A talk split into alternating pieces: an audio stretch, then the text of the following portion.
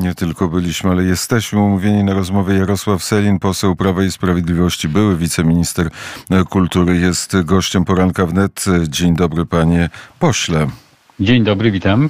W wieczór, manifestacja przytuły e, stare, jak te demonstracje, manifestacje Solidarności z uwięzionymi posłami przebiegają.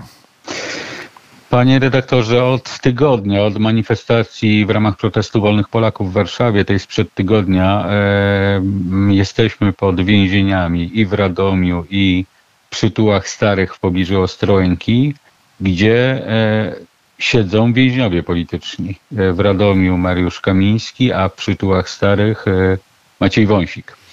E, ja byłem i w, w więzieniu na Grochowie, kiedy obaj tam siedzieli, miałem interwencję poselską, byłem wewnątrz tego więzienia. Byłem też w Radomiu, gdzie siedzi Mariusz Kamiński, tam przewieziony. Też miałem interwencję i też dostałem się do środka. Wczoraj, jeśli chodzi o przytuły stare, nie dostaliśmy się do środka ale manifestowaliśmy. Z dnia na dzień na tych manifestacjach uczestniczy coraz więcej osób, naprawdę przyjeżdżających często z daleka.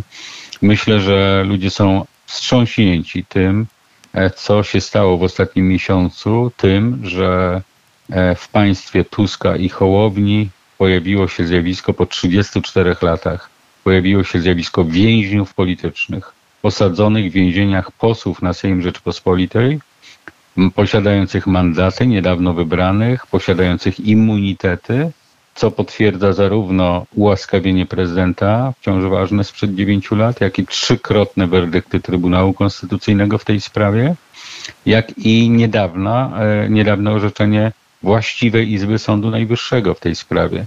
Trzy najważniejsze organy państwa, które mogą o tym decydować: prezydent, Trybunał Konstytucyjny, Sąd Najwyższy.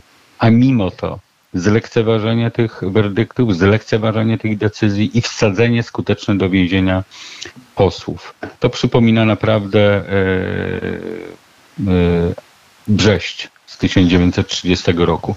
Tą skazę, którą niestety państwo w okresu międzywojennego również miało, że posłów wsadzano do więzień.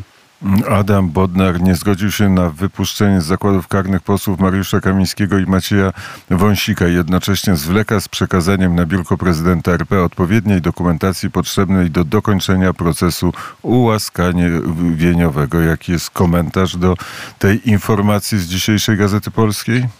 Komentarz jest taki. E, panowie podjęli strajk głodowy. Ten strajk trwa już 10 dni. To nie jest bagatelna sprawa.